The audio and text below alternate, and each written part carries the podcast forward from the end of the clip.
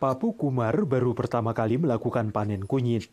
Ia berharap ini bisa mengubah lahan pertanian yang ditinggalkannya bertahun-tahun di desa Hardial di India Utara menjadi sebuah usaha yang menguntungkan. हमें इसमें काफ़ी बेनिफिट लगा है। इसलिए बेनिफिट लगा कि मक्की लगाओ तो उसमें बीमारी होती है। बीमारी होने की वजह से कभी मक्की चलती है कभी नहीं चलती है। उबारा पशु जो है नुकसान कर देते हैं आके खेतों में। या तो फिर जंगली जानवर होते हैं नील गाय वगैरह और बारह सिंगे दूसरे हिरन वगैरह वो भी आके नुकसान करते हैं। Kumar dulu putus asa karena sulitnya bertani dan penghasilannya kecil. Jadi ia termasuk di antara ribuan orang yang dulu mencari pekerjaan ke kota sehingga lahan pertaniannya yang luas menjadi terbengkalai. Tapi Kumar kembali ke desa ketika pandemi COVID memukul penghidupan di kota.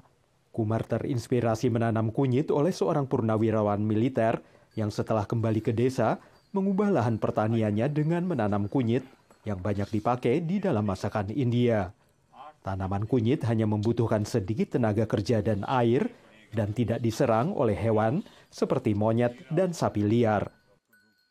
मैंने हल्दी के बारे में सोचा कि ये एक ऐसी क्रॉप है जिसको कुछ भी नहीं कर सकता कोई ना इसको कोई बीमारी एंटीबायोटिक है खुद ही तो मैंने सोचा मैं इनको I will out beat them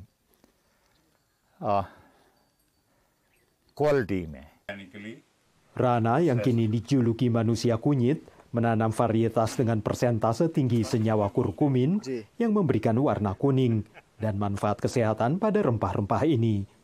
Ia menanamnya secara organik dan hal ini melindungi tanah dan menghasilkan keuntungan lebih tinggi.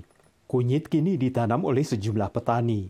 Tapi ada pilihan lain selain pertanian tradisional seperti budidaya ikan forel yang juga meningkat sejak pandemi COVID dan memicu gelombang migrasi kembali ke desa. Ikan forel berkembang pesat di aliran air dingin yang melintasi wilayah perbukitan. This is a good opportunity or good venture for unemployed youth. Uh, they have come back to their home and they are uh, searching for such opportunities. Mantan kontraktor bangunan ini membangun sebuah usaha yang sukses dengan menjual ikan forel dan mendirikan tempat penetasan untuk memproduksi benih ikan. Bisnis ini meningkatkan pendapatannya.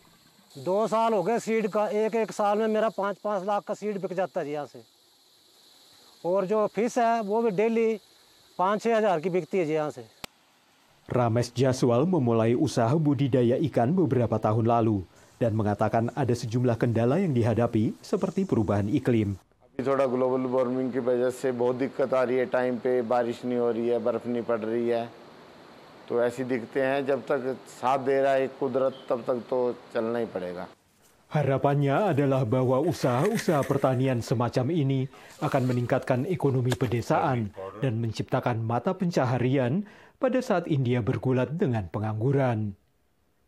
Dari Arlington, Virginia, saya Helmi Yohanes dan tim VOA.